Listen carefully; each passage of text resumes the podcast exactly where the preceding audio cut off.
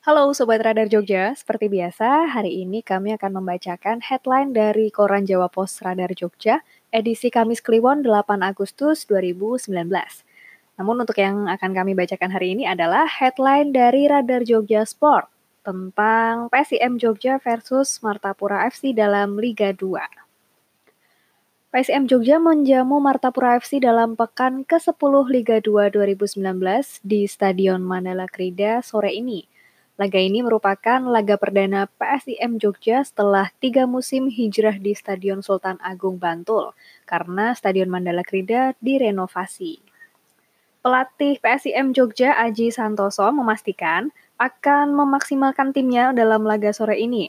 Apalagi Christian Gonzalez dan kawan-kawan akan bermain di kandang sendiri dengan dukungan maksimal dari pendukungnya.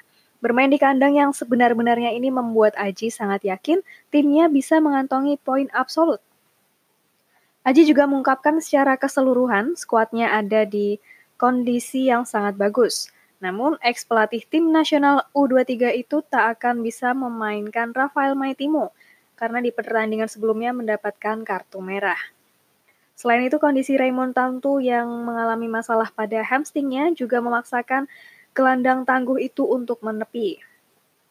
Ambisi serupa diungkapkan oleh Aditya Putra Dewa, mantan bek kiri PSS Sleman itu ingin membawa Laskar Mataram meraih poin penuh untuk bisa mengejar Persik Kediri yang saat ini masih memimpin klasemen sementara Liga 2 di wilayah timur. PSIM Jogja saat ini menempati posisi 2 klasemen sementara di wilayah timur. Mereka mengumpulkan 15 poin atau tertinggal satu poin dari Persik Kediri. Namun Christian Gonzalez dan kolega menyimpan tabungan dalam satu laga. Di sisi lain, Mata Martapura FC bisa dikatakan kurang begitu bagus. Dari delapan laga yang sudah mereka jalani, tim asal Kalimantan Selatan itu hanya mengumpulkan 10 poin dan terpaku di posisi 7 klasemen sementara. Namun komposisi skuad dan posisi di klasemen sementara Martapura tertinggal dari PSIM.